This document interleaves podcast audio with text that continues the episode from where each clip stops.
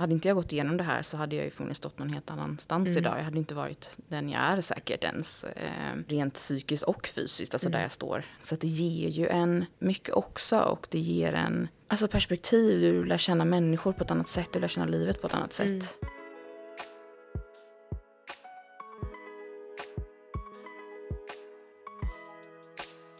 Välkomna till ett nytt avsnitt av Under your skin med Lovisa. Den här veckan gästas podden av underbara Ida Nordfors. Hon deltog och tog hem sista rosen i Bachelor 2021 och idag jobbar hon som influencer där hon på sociala medier delar med sig av livet som HSP, alltså högkänslig person, sin graviditet och mycket annat.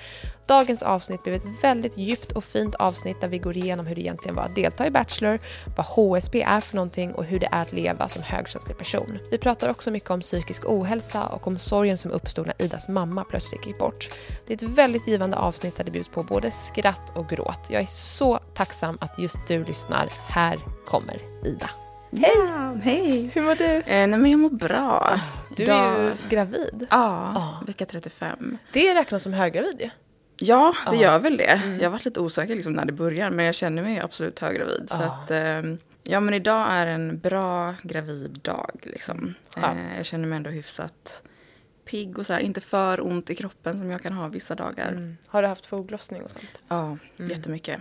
Eh, Det gör ju så ont. ja, det är hemskt. Ja. Alltså, I början när jag fick det så eh, höll vi på att flytta och då trodde jag att det var ryggskott jag hade fått. Åh nej. Så jag gick ju liksom ut med det på story och bara, ah, jag har fått ett ryggskott och folk bara, ja du tror inte att det är foglossning eller? Jag bara, jaha det just det. kan vara. Men jag tänkte inte att man kunde få det så tidigt. Men det kunde man. Det kan man. Ja, jag kommer också Mm. ihåg att jag fick det eh, tidigt. Mm. Och sen gick det över, sen kom det tillbaka. och liksom. Exakt, så det det, för mig med. det är ju en sån påfrestning att så här, bära på ett barn och föda barn. Det är ju som ett långt Mm. maraton. Liksom. Mm. Med bästa priset i och för sig. Ja, Ja. ja, jag hoppas ju att det här priset kommer snart. Ja, så mysigt alltså. Eh, men kan inte du börja med att bara berätta lite om dig själv? Du var ju med i Bachelor 2021. För de, jag tänker de som inte kanske följer din resa där eller följer dig på sociala medier. Vem är Mm. Ida? Ja, eh, men jag är 27 år och kommer ifrån Göteborg. Eh, men har bott här i Stockholm i ja, lite mer än tre år nu tror jag. Eh, gått fort. Och anledningen till att jag kom hit från hela början var för att jag pluggade marknadsföring och körde min andra praktik här i Stockholm. Och sen i slutet på den så kom jag med i Bachelor. Mm. Då vändes ju livet upp och ner Ja. lite grann. Och jag hade redan planerat då att flytta liksom permanent till Stockholm. Men sen när jag då också träffade min kille där i programmet, Sebastian, så blev det ju ännu mer självklart Mm. att vi skulle bo här tillsammans. Och eh, ja, så här lite över två och ett halvt år senare så är vi fortfarande tillsammans då och Ja. väntar barn. Så fint. Ja. Hur var det liksom att, alltså du har säkert svarat på de här frågorna hundra gånger men jag tänker att det är så kul att veta. Men ja. hur, var det självklart att söka in till Bachelor? Nej, alltså jag sökte ju inte in. Nej, okej. Utan jag såg Sebastian på Nyhetsmorgon när han presenterades ihop med Simon då, som var Ja. andra bachelorn. Och då, jag var liksom inne i en så här datingfas då, och väldigt Mm. öppen för att träffa kärlek och sådär. Inte att jag var så här, gud jag måste hitta någon, men, men var ändå öppen. Mm. Och när jag såg honom så kände jag liksom någonting direkt. Att så här, okej, Oh, wow. den här killen måste jag träffa. Ja. Ehm, och då skrev jag till honom på Instagram, slidade in där i hans Oh, oh, oh. Ja. Ehm, men de har ju liksom som regel att de får inte svara folk som jag. Så för det är klart, det är ju massa som skriver Ja, det är eh, klart. och vill träffas. Ja. Ehm, men jag såg att han läste, jag tror att han gillade mitt meddelande, Mm. han började följa mig. Så jag fattade ändå att han, han har sett Ja. liksom. eh, den, Ah, han fick inte ens svara då? Nej, Okej. men då gick det väl några dagar och sen hörde produktionen av sig. Så då hade han ju Ah. liksom skickat mig eh, Gud, vad till fint. dem. Ja, Wow. det var på den vägen. Och först så tackade jag nej till att vara med. För att jag eh, skrev mitt, eller jag skulle precis skriva mitt examensarbete. Och Mm. jag, jag var inte alls så att jag ville vara med i tv. Alltså, det var verkligen att jag ville träffa honom. Mm. Eh, så jag sa nej. Men sen så gav ju de inte riktigt upp och var så här, men kom in på en casting. Liksom. Ja. Och så tänkte jag, men det kan ju vara en kul grej att testa en casting går till. Ja, ja, verkligen. Så, eh, så det gjorde jag och de lyckades väl övertala mig där. Och så tänkte jag att, ja ja. Gud vad fint. Hur gick Jag den kör. castingen till? Kom man dit och liksom bara presenterade sig själv eller? Ja, alltså man satt som framför en jury. Det var Oh jättekonstigt. På riktigt? ja.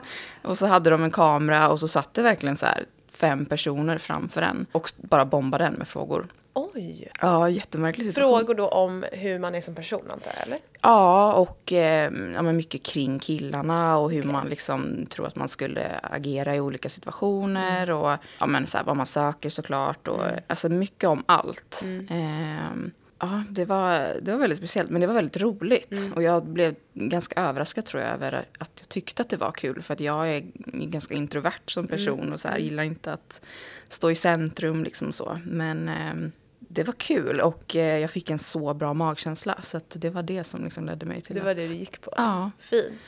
Och sen var du då med i Bachelor och hur var hela den upplevelsen? Att liksom, alltså det låter ju konstigt när man säger det och det är ju inte så heller, alltså att tävla. Men hur var det liksom att dejta samma kille som 20 någonting andra tjejer liksom? Ja, men jättespeciellt. Eh, man kan ju inte riktigt förbereda sig på hur det Nej. är. Och det är ju väldigt knäppt. Mm. Alltså så. Ehm, men det är en jätte, jättekul upplevelse. Jag är jätteglad såklart att jag, att jag gjorde det. Eh, och jag såg det aldrig som en tävling heller. Alltså Nej. så, utan jag var väldigt fokuserad på min resa och på att lära känna honom. Mm. Eh, och hade den inställningen att så här, klickar vi så klickar vi och då kanske det blir någonting. Mm. Men gör vi inte det, eller så här, är han inte intresserad tillbaka, då kommer jag också släppa det. Alltså så. Fin inställning, det är ändå kravlöst. Liksom. Ja, ja, och också mycket så här, det är inte bara eh, han som ska bedöma mig, utan att jag var så här, jag ska liksom också bedöma Ja. dig. Typ. Ehm, för jag tror att det är lätt att man går dit och tänker att han ska välja oss, men vi ska ju också välja honom. Liksom. Ja. Ehm, och sen dejtade jag ju båda två där i början Mm. också, så jag var ju öppen för liksom Mm. båda. Ehm, men mest var det ju Sebastian. Den inställningen känns ju fin för att jag kan tänka mig bara i den miljön där man är massa tjejer och de här två killarna ställs kanske lite på en piedestal och alla är Mm. ute. Alltså jag kan tänka mig i den miljön att man inte tänker i aspekten så här, okej är det här någonting för mig? Mm.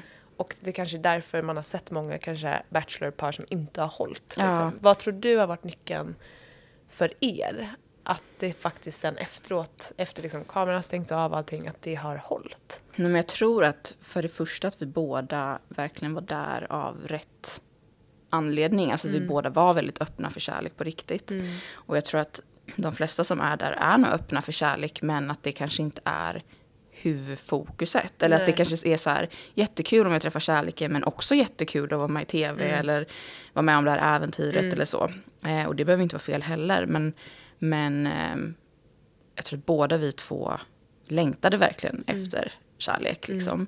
Och att det såklart var ju grunden till att, att det kunde bli det. Ja. Ehm, men, eh, men också att det kändes som att när vi dejtade så där att det var på liksom lika villkor.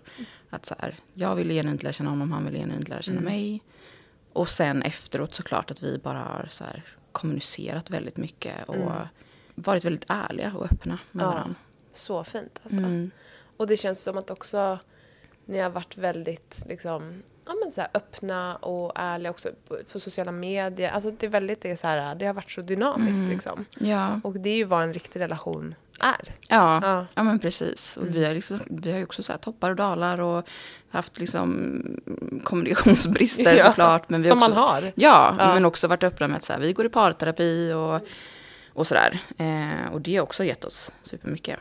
Just det här med parterapi och att också så öppna upp sig inför alla. Jag tänker också så här inför så här, alltså en, en hela svenska folket, men Bachelor är en extremt populär Mm. liksom, tv-serie och sådär. Hur, liksom, har det, tror du att det har lagt en grund för att du nu är liksom, kunna vara så öppen på sociala medier och liksom dela med dig av mående och att man får må både bra och dåligt? Liksom? Ja, men jag tror det. Eh, för när jag väl var där eh, och det filmades och sådär, då var jag ganska nervös över så här, men gud, hur kommer det här framställas? Alltså dels för att jag inte vet hur de klipper och liksom sådana saker, men också jag har aldrig sett mig själv i en Nej. sån här situation. Det är ju läskigt bara att höra ens egen röst. Ja, alltså hur kommer jag framstå? Att man blir lite man får nästan en identitetskris så. Ja. Men sen när det eh, liksom sändes och jag fick väldigt mycket uppskattning för att jag var så öppen. Så var det nog det som gjorde att jag vågade fortsätta vara det tror jag. Ehm, att det var det jag fick liksom mest komplimanger för. Så att, ja, det satte nog grunden Ja, för det. så fint ju. Och sen ehm, efter Bachelor så eh, har ju liksom din, ja, men karriär tagit fart och det har sett annorlunda ut och du blev ju också gravid och fick ju först ett missfall Mm. eh, som du också delade med dig av. Hur var det Precis. att gå igenom det? Ja, men jättejobbigt såklart. Det är ingenting man, man räknar med. Eller så här, det är klart att man vet att det kan hända. Men man vet också att så här, ja, men för de flesta går det kanske bra. Alltså, så här, I alla fall av min erfarenhet av de som var runt, runt om mig just då. Sen när jag väl gick ut med att jag hade fått missfall så förstod jag ju hur vanligt det också faktiskt är.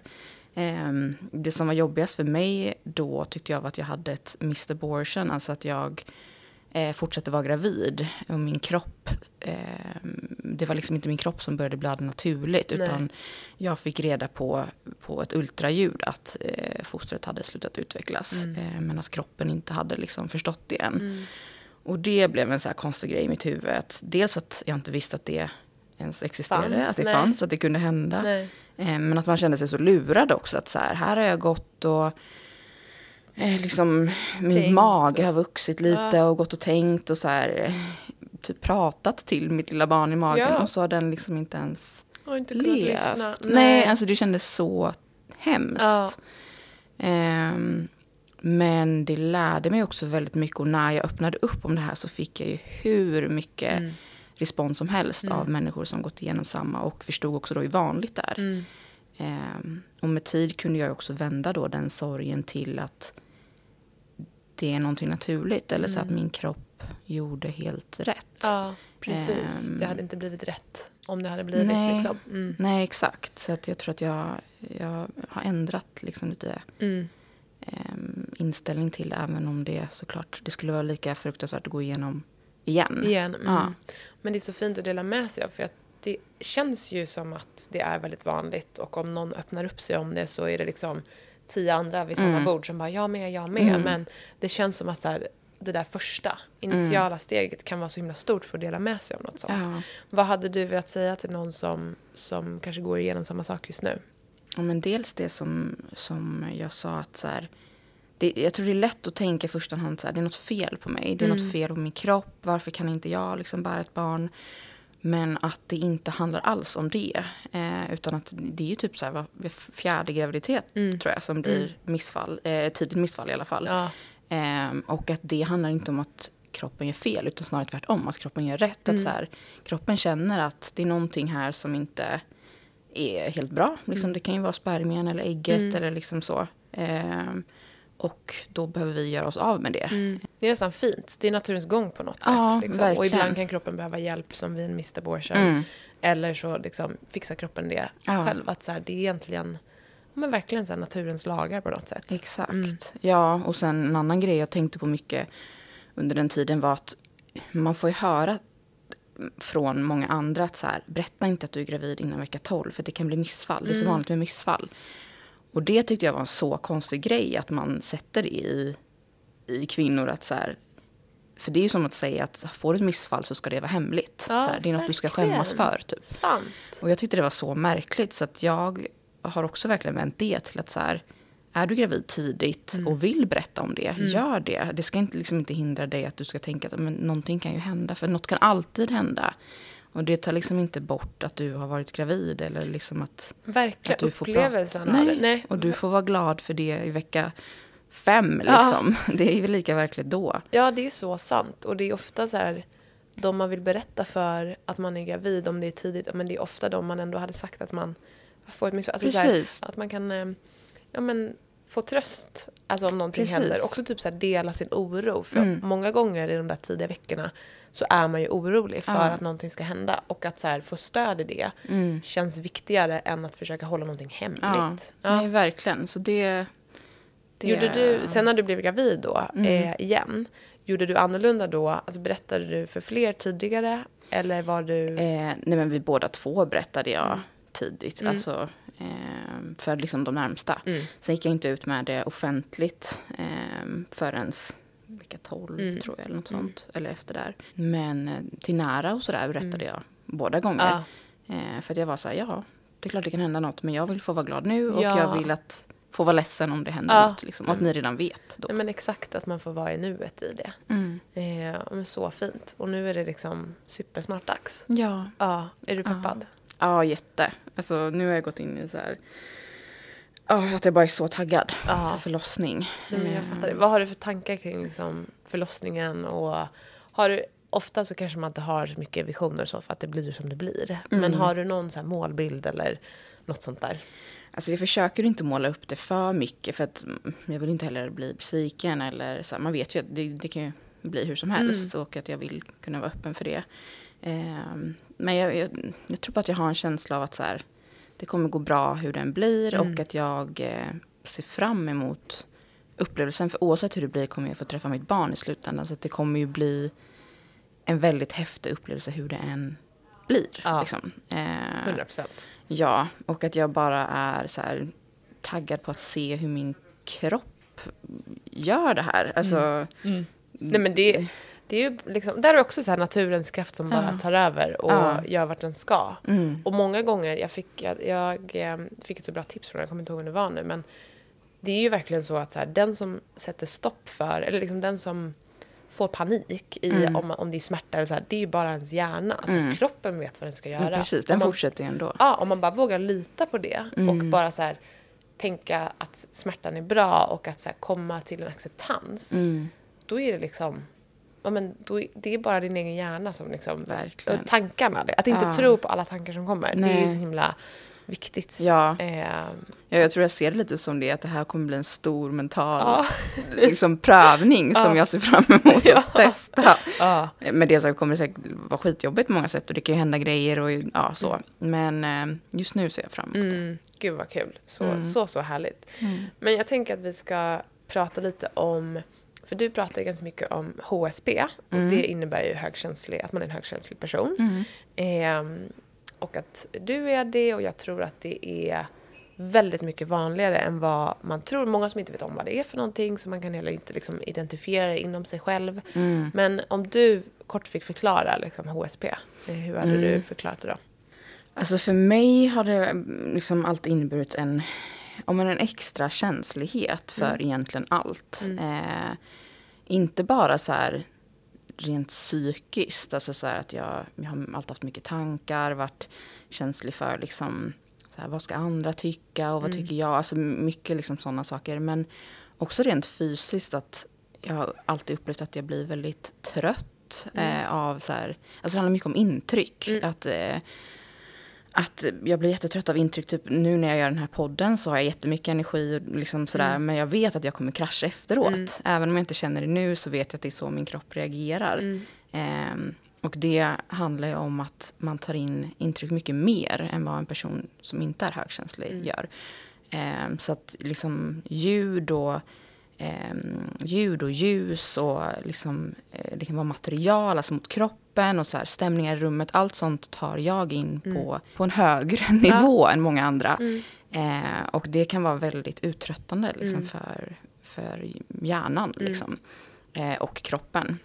Det är intressant, det är nästan som att sinnena är mer öppna på Ja, något sätt. men så skulle man verkligen ja. kunna säga. Ja. Och det kan ju vara jättepositivt och jättejobbigt. Ja. Alltså det är verkligen en styrka och en svaghet Ja. på samma gång. Eh, men framförallt tror jag att man kan känna att det är en svaghet om man inte förstår att man är det. Precis. Eh, innan jag förstod att jag var det så, så tror jag att jag blameade mig själv mycket liksom, och jämförde mig med andra och var så här, men varför kan de klara av så här mycket och gå på så här mycket tillställningar Mm. och vara så här social och samtidigt komma hem och städa och fixa och liksom så här, Mm. men jag bara kraschar på soffan Ja. liksom.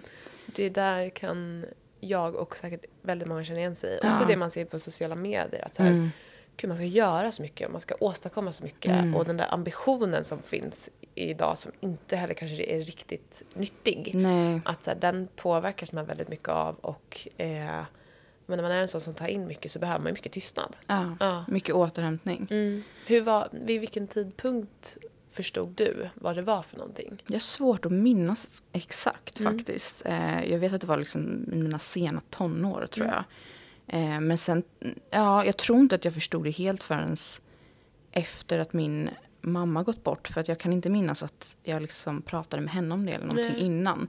Så att, eh, ja, kanske vid så här 19-20 års Mm. ålder då, att, verk, att polletten liksom Mm. föll ner. Ja. Eh, av en slump tror jag att jag så här satt och läste om någonting på, på mobilen, liksom på nätet. Ja. Och kom in på det och bara så här, åh herregud. Jag Det har här är aldrig, jag. Ja, jag har aldrig kunnat relatera så mycket i hela mitt liv. Det, det känns också som att den typen av, eh, eh, det är ju ingen diagnos, men den typen av så här personlig, att det mer och mer blir vanligt att prata om hur man är och vad man känner och att så här, det inte heller varit ett begrepp förrän Nej. för vadå, ja men typ 15 år sedan. Mm. Alltså det känns som för 20 år sedan var ju Mm. säkert inte det. Nej, och det är så Någonting som man konstigt. pratar om, ja. Alltså att, för det är väl typ var fjärde, var femte person tror jag. Mm, mm. Som, eh, som är liksom högkänsliga. Och Ja. det gäller även på djur faktiskt. Alltså, min hund är ju så högkänslig också. Nej, vad Ja. fint! Så att, eh, ja. vad, vad gulligt. Ja, Då kan ni liksom återhämta er ja tillsammans. verkligen. Ja. Det är mycket kan sova och relatera. näpa på oss. Gud vad mysigt. Ja. Eh, men hur, jag är lite nyfiken på att vara HSP och ha alla de här liksom sinnena förstärkta och i behov av mycket återhämtning. Så hur var det att gå igenom Bachelorresan? Med, i- ur den aspekten. Ja. Alltså så här, Ja, det var inte så HSB-vänligt. Nej. Liksom. eh, nej, men det var ju jätteuttröttande såklart. Eh, sen så hade vi ju många, många, många dagar där vi bara var i vårt hus. Mm. Eh, sen så, det var ju alltid kameror, liksom. Mm. inte alltid, men det var ofta kameror där och Mm. hände saker. Men det fanns ju också mycket tid för att bara vänta Ja. egentligen. Och det kan ju vara uttröttande i sig, Mm. men eh, ja, det som gjorde att man överlevde var väl att det hände inte saker hela Nej, tiden. jag fattar. Det var ändå Eh. tid för vila liksom. Ja. precis. Men sen så fanns det ju alltid en liksom, mental stress av att veta att när som helst kanske jag alltså, ska synka och berätta Ja. något för kameran Ja. eller någon kommer och vi ska gå på dejt eller så här. Det kan hela tiden hända någonting Mm. och det är ju en stress men eh, ja, det är klart man var helt slut Mm. när man kom hem. Ja, jag fattar det. men, ja, Och du var det- också där, he- alltså du var verkligen där sista hela dagen. vägen. Liksom. Ja. ja, det var ju nästan två månader. Så Ja, att det är lång tid. ja. Det är som ett lång, enda långt kollo liksom. Ja, ja, ja. verkligen så som typ sommarloven var när man var liten. Ja, Åh herregud. Men ehm, jag kan tänka mig att det var skönt att komma hem och bara få landa sen. Ja. Ja. Ja, det var skönt och också så här konstigt. Alltså man fick ju, eh, eller så som jag alltid får, att man får ett breakdown typ Mm. efter att man Ja. har varit med om mycket. ja. Och också typ så här att ditt liv förändrades och det kom in en kille i ditt liv som Ja. liksom, man också ska göra plats för. Ja. Eh, men du, du nämnde lite kort att din mamma gick bort när du var 19. Mm. Eh, som du också pratade om i Bachelor, när det kom upp var det så fint. Mm. Jag som då har följt hela säsongen slaviskt. ja. Ehm, och det känns som att det är så viktigt, eh, likadant som att prata om det här med HSP och missfall, och, och, men också att prata om, om sorg öppet. Mm. Det känns som att det, ehm, ja, men det blir vanligare, men att det är också viktigt för folk att kunna relatera. Hur har den Mm. liksom, resan varit för dig, om man säger bortom sociala medier? Liksom? Mm. Att vara med om en sån omvälvande i en sån ung ålder. Liksom. I första hand var det ju väldigt traumatiskt. Mm. Eh, för att jag har liksom växt upp ensam med min mamma. Mm. Eh, jag har en relation till min pappa också men jag har aldrig bott med honom på det sättet. Utan vi har haft liksom lite mindre kontakt Mm. så och träffats mycket mindre. Så det var ju verkligen jag och min mamma Mm. utan syskon liksom. Mm. Och eh, första gången hon blev sjuk var jag 14. Ehm, och då fick hon bröstcancer och liksom gick igenom ja, men då cellgifter och allt det här under typ ett års tid ehm, innan hon började då återhämta sig igen. Sen så friskförklaras man inte förrän fem år senare just för att det finns en risk för att eh, det kan sprida sig. Mm. Och det var ju det det gjorde för henne. Så att precis efter studenten när jag var 18 så fick jag ju reda på att eh, cancern var tillbaka. Mm. Och eh, ja, det var ju den, den största käftsmällen. För då fattade jag ju ganska snabbt att så här, den här gången kanske det inte går bra. Liksom. Och eh, ja, hon gick ju bort sen lite mindre än ett år senare. Mm. Ja, den tiden var väldigt tuff och väldigt, Mm. alltså det är nästan som bara en mörk, liksom, Mm. Ja, det är en väldigt mörk tid som jag också har svårt att pussla ihop riktigt. Ehm, jag kämpade liksom på med mitt och försökte jobba, eh, få in pengar och sådär. Mm. Eh, tills mamma blev så pass dålig att hon åkte in på sjukhus och sen vidare till hospice Mm. som är då ett, ett boende för de som ska gå bort. Liksom. Eh, ett, ett bättre form av boende än att ligga på Mm. ett sjukhus. Så.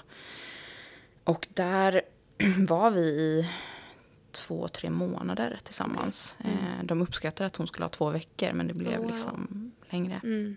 Och efter det så ja, lämnades jag ju typ själv i allt. Gud, jag blir så rörd. Ja. Min, min, jag, jag är uppvuxen med bara min mamma också. Ja. Och jag kan verkligen relatera. Det måste ha varit så tufft också i den, i den åldern. Mm. När man är så mottaglig för allting och när man är ja, men så här, ensam på så många Ja. sätt. Man är väldigt känslig i den åldern när man har tagit studenten och man ska liksom Mm. här, ut och göra livet. Liksom. Verkligen, det var ju liksom då livet skulle börja. Och Mm. där kändes det som att mitt liv tog slut. Åh. Ehm, ja, nej, det var, Mm. det var fruktansvärt. Och jag, jag skulle säga att hela första året efter det var bara trauma för Mm. mig. Och förnekelse egentligen, för att jag ville inte och kunde inte förstå eh, vad som hade hänt. Mm. Liksom. Ehm, vilket man ofta hamnar i efter liksom, något så traumatiskt. Och Ja. när man hamnar i sorg. Att första stadiet är ofta liksom, chock. Mm. Och eh, ja, jag, mitt sätt att hantera det då var tyvärr att bli väldigt destruktiv. Alltså Ja. jag drack mycket alkohol. Jag, jag kommer ihåg jag gick ut och festade första helgen. Liksom, Mm. För att jag ville bara fly från verkligheten som jag liksom befann mig i. Ehm, och ja, det var egentligen inte förrän efter två, tre år som jag började ja, men bearbeta Mm. och ehm, landa i att så här, från att gå från att så här, ja, men jag hade väldigt mycket självmordstankar och mådde extremt dåligt och Mm. var nog bara så här, vi får se om jag lever tills imorgon typ. Eh, till att få en insikt om att så här, det finns fortfarande ett liv att leva och Mm. jag vill leva det. Alltså att jag började få sådana typer av tankar. Mm. Eh, men det tog liksom ett par år. Mm. Eh, och alltså, hur jag ens överlevde den första perioden, jag vet typ inte själv. Nej. Men sen så eh, började jag gå till en, eller hittade, det tog ett tag innan jag hittade rätt, men sen hittade jag en psykolog som var jättebra. Mm. Som tog in mig och som eh, tog emot min sorg. Alltså Mm. för första gången så började jag liksom öppna upp det där. Eh, ja, och eh, ja, det var ju med hjälp av det och liksom ja, mycket bara att gråta, alltså Mm. sörja, Mm. prata. Öppna det Eh, rummet liksom. Ja, som jag tog mig vidare liksom, steg Mm. för steg. Men, men sorg tar tid liksom. Och det, eh, det är viktigt att ha med sig till sig själv men också till andra. En sån här Mm. som går igenom sorg. Att, så här, ett år i sorg, det är ingenting.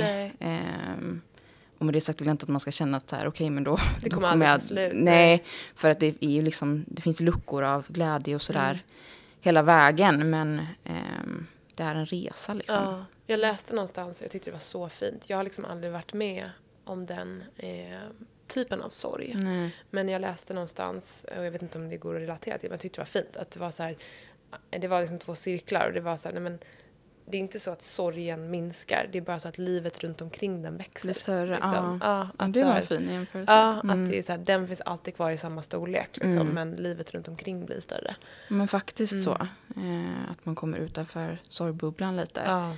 Och också att man kan jämföra typ sorgen med vågor vet jag att jag gjorde mycket att så här. I början kom vågorna ofta och var extremt starka liksom Mm. och sköljde över en och kände som att de skulle dränka en. Mm. Eh, men med tiden så kommer vågorna mer och mer sällan. De är Mm. fortfarande liksom starka och tunga men eh, de kanske inte dränker en. Liksom. De, de finns där och sköljer över och så gråter man och är ledsen Mm. men sen vet man att man kommer upp torr på land. Liksom. Ja, fint. Mm. Och fint också att, att så våga bearbeta. För att jag kan tänka mig att det är många som stänger ner Mm. det där rummet och att man heller inte att det sen går så lång tid att man inte vågar gå in där Nej. och faktiskt prata om det och bearbeta och att våga sörja. Verkligen. Ehm, Jag tänker att det är fint att göra det också innan man själv blir förälder. Ja. ja, gud ja. Och det finns ju bitar som jag kan känna ibland så här som jag fortfarande inte har Mm. bearbetat klart och kanske aldrig kommer. Alltså, det kommer ju finnas med hela mitt liv. Mm. Eh, Men som du säger att man vågar öppna upp det rummet även fast det är smärtsamt. Mm. Men det är liksom enda vägen framåt. Mm. Ja, men så fint och så uh, fint om det är någon som går igenom samma sak. Mm. Att så här, man är heller inte ensam. När du har öppnat upp om liksom, din mamma på sociala medier så har du fått mycket jag kan tänka mig att du har fått många som har här, varit med om samma. Och Mm. har, det, har det funnits någon läkande aspekt i det? Att dela med sig av det? Ja, ja, verkligen. Alltså det är klart att eh, med allt, att känna att man inte är ensam är ju väldigt stärkande. Eh, och det är hemskt att det är så många som, som går igenom smärta. Liksom. Men Mm. det är ju också så mänskligt. Eh, Ja. Och alla människor i princip kommer behöva göra det på ett eller annat Ja. sätt. Eh, Det är ju liksom, alltså det är så, så här tungt och, och men behöver inte vara, men så här, döden är ju den gemensamma destinationen för alla. mm, Eh, och att på något sätt acceptera det gör ju livet också, eh, ja men man, då lever man kanske ännu mer. Liksom. Ja. Ja, och uppskattar saker ännu mer istället för liksom bara leva på. Att så här, tacksamheten liksom.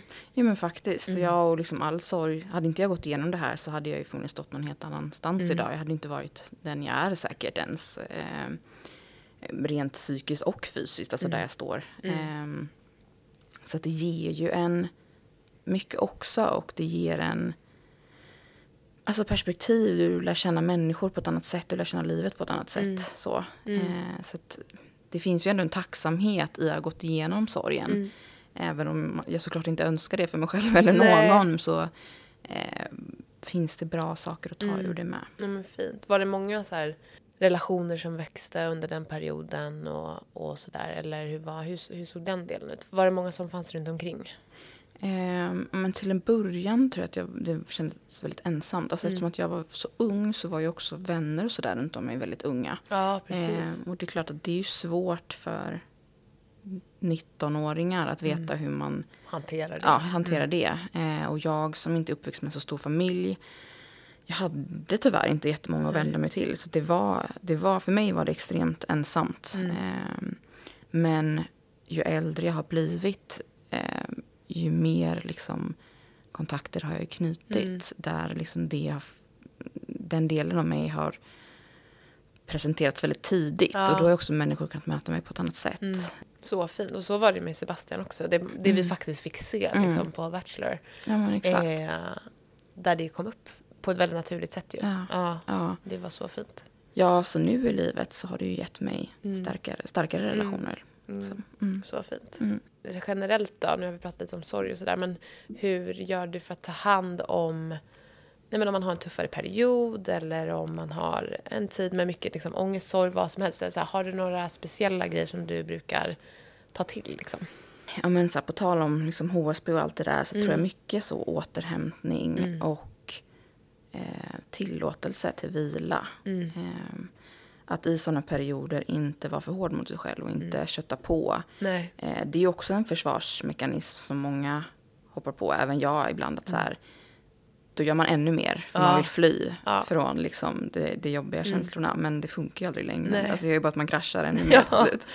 Ehm, så mycket det tror jag, vara snäll och påminna sig själv om att så här, nu är vi i en sån period igen. Mm. Det kommer inte hjälpa att liksom, försöka trycka undan det och köra på. utan Ju snabbare du kan liksom landa i känslorna Mm. och acceptera och vara närvarande i det, ju snabbare kommer de Mm. gå över. Mm. Ehm, Att våga vara i det. ja, Och att så här, vara, det känns som en röd tråd i att så här, vara snäll mot sig själv. Liksom. verkligen. Ja. Ja. Och det kan ju innebära olika saker för, för alla. Liksom. Ja. Men att, eh, att se till sina behov och liksom bekräfta dem. Mm.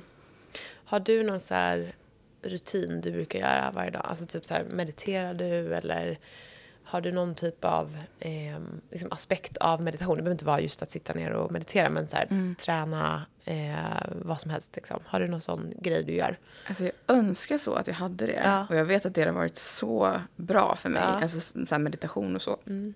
så jag, jag skulle inte säga att jag har någonting som är så varje dag. Eh, och det är nog också för att jag är en person som så här, tröttnar rätt på saker. Så att Mm.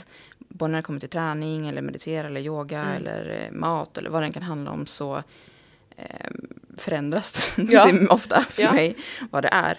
Eh, men något jag påminner mig själv om ofta är typ så här djupandning.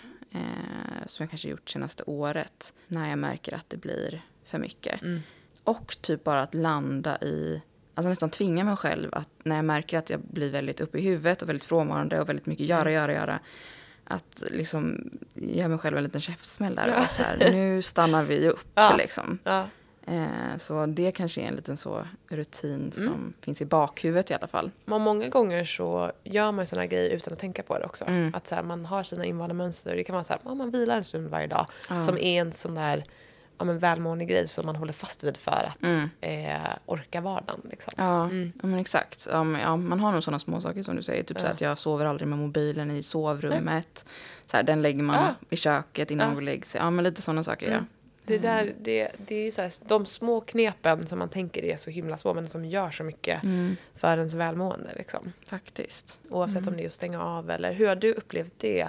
För när man jobbar med sociala medier och man är ju ofta väldigt påkopplad liksom, vilket Mm. också är extremt Ja, för att man måste det för sitt jobb och så vidare. Jag känner ju också igen det med mitt jobb och sådär. Mm. Kan du liksom, har du något bra sätt för att stänga av? Alltså det där är så svårt. Ja.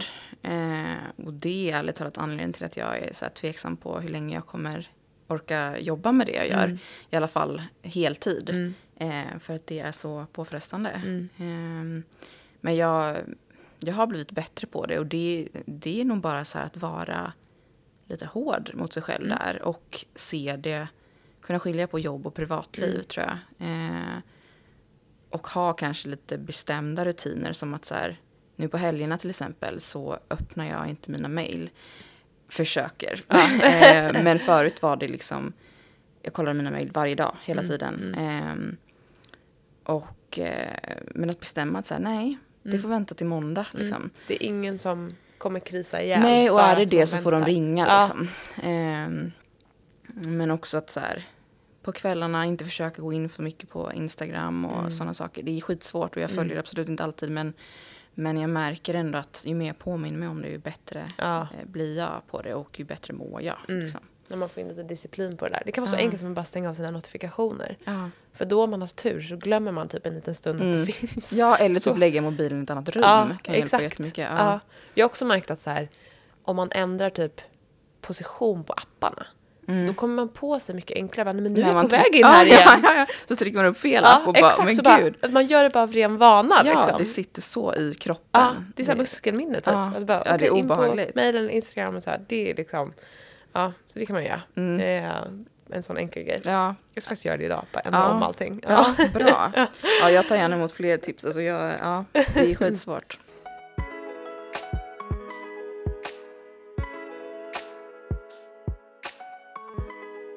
Men för att komma in på någonting annat då som handlar om att eh, ta hand om sig själv, som kanske är lite ytligare så här, men jag driver ju ett hudvårdsvarumärke, hårvårdsvarumärke och vi brukar ha ett segment i podden där vi eh, pratar lite om just det här. Och har du någon så här, för det kan ju också vara en typ av meditation om man nu är, är, gillar sånt, liksom, Mm. att ta hand om sig själv. Så har du någon typ av rutin kring eh, kroppen? Har du fått mer rutin nu när du är gravid till exempel?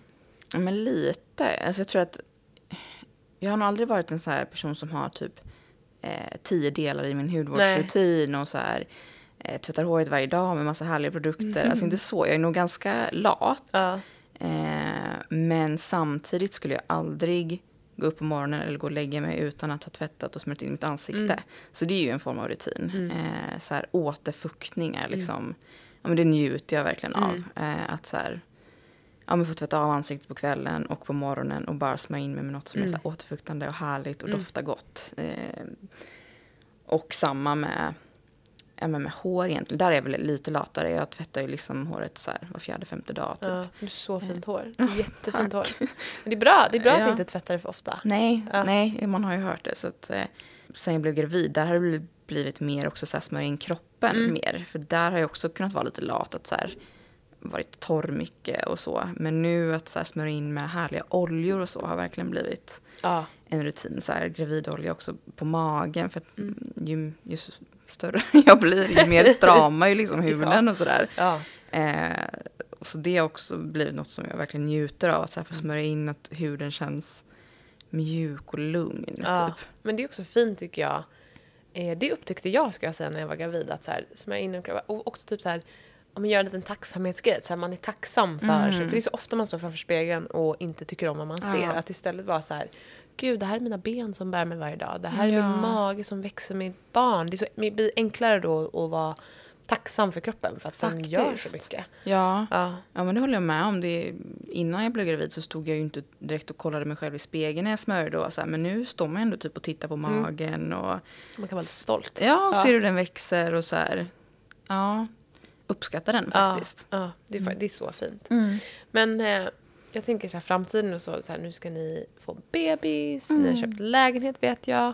Eh, vad har du, har du några så här, ja, men framtidsdrömmar och mål och så här, om, om du ser ditt, ditt liksom, liv om några år, så har du Mm. några eh, sådana visioner liksom?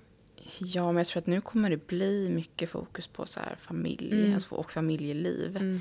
Jag ser jättemycket fram emot eh, såklart att se vårt barn växa upp Mm. och förhoppningsvis också få framtida syskon Mm. till det barnet. Ehm, nu flyttade vi ganska nyligen till en eh, större lägenhet. Mm.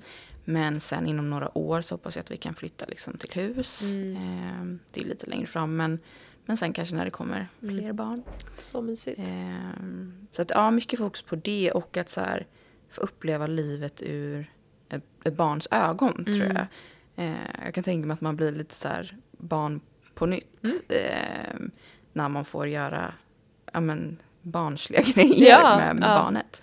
Det är väldigt Ja. fint. Det är fint att få uppleva, ja, men som du säger, så här, saker ur barnets perspektiv och bara när man är typ ute på stan, så här, allt, när de börjar prata och sådär, så här, Mm. allt barnet ser. Att så här, gud, sånt som man själv aldrig hade lagt märke till, att det är så fint att bara få komma ner till den nivån Ja. eh, och vara där. För Ja. den är så kravlös och så fylld av kärlek. Och så liksom. närvarande Ja. också. För de, kan inte, de är inte frånvarande en sekund. De är här och nu. Liksom. Ja. och det tvingas man ju själv till också. Ja, precis. Alltså det, det ser jag fram emot. Och sen rent så här karriärsmässigt så eh, som jag nämnde så har jag varit lite så tveksam om jag kommer Mm. stanna i den här branschen eller om jag kommer gå ner i tid eller hur jag kommer göra. Så det kommer nog också bli en så här upptäckande fas Ja. kommande kanske år. Att så här, vad vill jag göra med det här? Mm. Eh, och det kan jag också tänka mig kan förändras mycket när man blir förälder. Att man får nya perspektiv på saker och så. Ja, definitivt. Och någon typ av ny kreativitet föds. Mm. För att man gör saker för någon annan Mm. och inte sig själv. Och det är väldigt befriande. Ja. Eh, så var det för mig i alla fall. Men eh, om, du, om du fick bara så här, eh, drömma eller tänka. Vad, hade du, vad tror du att du hade jobbat med? Säg att du hade gått ner i tid på sociala medier. Så här, Mm. Vad hade du velat jobba med? Jag vill att någon ska svara på det åt mig helst. Alltså det är det som är frågan. Ja. Ehm, men någonting, jag tror någonting fortfarande kreativt. Ja. Men också mer socialt, alltså Mm. någonting där jag får träffa andra människor mer. Mm. För det är ju väldigt ensamt det jag gör just nu. Ja. Så att, ja, jag är öppen för mycket. Men så här, jag skulle, om jag hittar, alltså det som du gör till exempel. Mm. Jag tyckte det var skitkul att så här, driva ett annat typ av företag Mm. som inte är liksom eh, grundat i sociala medier. Eh, men där man kan såklart ta hjälp av sociala medier. Mm. Men som är något helt annat och där jag kan ha kollegor och Mm. andra människor att bolla med och vara kreativ med. Gud, spännande. Ja, det tror jag hade passat Ja. mig jättebra. Ehm, Det sen vad det är, det får vi Det se. får framtiden utvisa, men det kanske också är någonting som kommer med tiden. Alltså så här, man får en idé eller man landar i någonting. Att så här, Kom det- du på det här när du hade fått barn? Nej, hon är ju tre år så att jag startade det här när just det, jag det var innan. Ja, Mm. hon hade... Men, men grejen var att eh, vi var på väg att typ lägga ner. För att första två åren så var det så tufft. Alltså det Mm. gick jättedåligt. Mm. Eh, och, då, och sen blev jag gravid mitt i det där när det gick dåligt. Och då var vi Mm. så här, men gud vi tar en paus. Så här, Ja. vi, jag får nog göra något annat efter, efter att hon eh, är lite större och sådär. Mm. Eh, så här, vad det blir, det får vi se. Mm. Typ, men nu får jag barn. Eh, Mm. och sen så när jag var, ja men typ där du är nu, eh, graviditeten, så här på Mm. sluttampen, då typ exploderade för oss, vår e-handel. Liksom. Mhm. Så då var det så här, jag satt du vet vecka 39 och bara så Nej, var det kundservice och bara herregud nu händer det liksom. Så att det hände lite samtidigt Mycket som hon föddes. Ja. Det blev väldigt mycket på en gång. Så att jag, ehm, det var faktiskt lite tufft första, hennes första liksom halvår. Eh, för att eh, jag jobbade samtidigt som hon var liten. Man, vill- jag, jag ville liksom inte missa något av tågen. Varken Nej, hon som liten bebis eller att så här, äntligen så började det ta fart. Mm. Så det var verkligen ett litet, eh, ja men så här, tuff period. Mm. Eh, som jag har verkligen tagit lärdom av och vill göra, nästa, vill göra annorlunda vid nästa Mm, barn och så. mm. Men eh, jag skulle säga att det var, eh, när hon kom så, alltså väldigt mycket kreativitet Mm. föds. Och också just det här att man är lite mer obrydd skulle jag säga. För att Ja, det du, kanske var det som hjälp, gjorde det. Ja, att du typ. bara släppte taget lite. Ja, men lite. Att jag tror att det var det här att man nästan gav upp. Som, Ja. som var så här, men skitsamma. Och så var det liksom, vi provar väl det här, ja ja om det funkar, Mm. funkar det, annars spelar det ingen roll. Och så funkade det liksom. Mm. Ehm, men eh, just det här att man börjar bry sig lite mindre om sig själv när man får barn. eller väldigt mycket mindre. Ja. Man kan inte det. Det ser jag verkligen fram emot. Ja, att alltså, inte vara så, nej, men- det låter ju hemskt men typ självcentrerad. Ja, Alltså och det man- skiftet sker ju automatiskt Ja. liksom, för att det måste. Mm. Och det är väldigt skönt att vara så här, nej men jag är inte viktigast. Liksom. Det är ens barn och det är så naturligt och så. Eh, så ur det tror jag att det kommer mycket för att man bryr sig lite mindre om vad andra tänker. Man Ja. har lite mindre att förlora. Liksom. Ja, Ja. Så, det, Mm. så i med det tänker jag att då kanske det liksom det kommer något. någonting naturligt. Ja, vi kan ja. hoppas på det. Ja, ja. Se om det föds. Men du väntar ju en liten pojke, eller hur? Ja. Så mysigt. Ja, Det sägs att det finns något så speciellt band mellan mödrar och pojkar. ja men Ja. lite som mammas pojke, det blir samma lite med så här, pappas flicka. Ja, Eh, exakt. Att det ofta blir så. Mm, så spännande. Ja. Men vi börjar närma oss lite slutet. Mm. Ehm, och vi har, vi ställer alltid, vi, jag säger alltid vi, vi har som heter, men jag ställer alltid tre sista frågor till, eh, till gästerna. Och den första är om du fick välja en rutin, alltså vilken rutin som helst, det kan vara vila, Mm. eh, you name it, spa, ehm, som alla människor på, i världen var tvungna att göra varje dag. Vad hade det varit? För välmående. Mm. Det var liksom en lag. Ja, men då är det nog djupandas då. Ja. Jag får ta den. Eh, att så här, någon gång under dagen, i alla fall minst en gång. Mm. Eh, kanske då när, an, antingen som en så morgon eller kvällsrutin. Eller någon gång mitt på dagen när det känns som att man är väldigt mycket i sitt huvud och man bara kör på och du vet, eh, Mm. det, är så här, ah, det är mycket så. Ja. Då bara liksom sätta sig en stund eller stå, du kan ju göra det här var som helst Mm. och hur som helst. Eh, och bara först ta tre djupa andetag. Ja. Och sen köra ett par minuter av bara så här andas in fyra sekunder, Mm. håll andan fyra, andas ut fyra sekunder. Och göra det här tills du känner att den stressen släpper. Ja. För det har jag märkt när jag gör det, alltså det är som natt och dag. Ja. Eh, sen tar jag mig inte alltid tiden till det ändå, men eh, Det är så kraftfullt. ja, det Ja. är det verkligen. Så testa det skulle Ja. jag säga. Ja, nej, men det, jag håller helt, det är faktiskt ingen annan som har sagt det, djupandning. Men, Nej. men det är ju, dels är det ju typ en typ av meditation, men Mm. också att man, oavsett vad man befinner sig i för liksom, eh, ja, men tillstånd, så Mm. hjälper det alltid. Och det är nästan Ja. som att börjar man ta de här djupa andetagen kan man typ inte sluta för att det hjälper nervsystemet så mycket. Ja. Ja. Ja, det är massa som utsöndras i, Mm. i kroppen. Och också så här om man st- står inför att ta kanske beslut Mm. eller så här, man är stressad, man vet inte vart man ska gå. Så hjälper det ju att tänka Ja. klarare. Ja, verkligen. Mm. Och du kyler ju ner nervsystemet Mm. när man andas. Så det, Verkligen. det, det är verkligen, eh, borde man göra mer. Mm. Mm, ska också, ska, jag ska ta med mig det. Ja, jag själv med till Ja. mig själv. Vi alla bara anammar det. Ja. Eh, och nästa fråga är då, vad tror du att dagens generation behöver ni ge till nästkommande generationer för att de ska bli så bra människor som möjligt? Eh, vad vi ska ge våra barn liksom. Jag tror eh, prata mer om psykisk hälsa och ohälsa Mm. tidigt.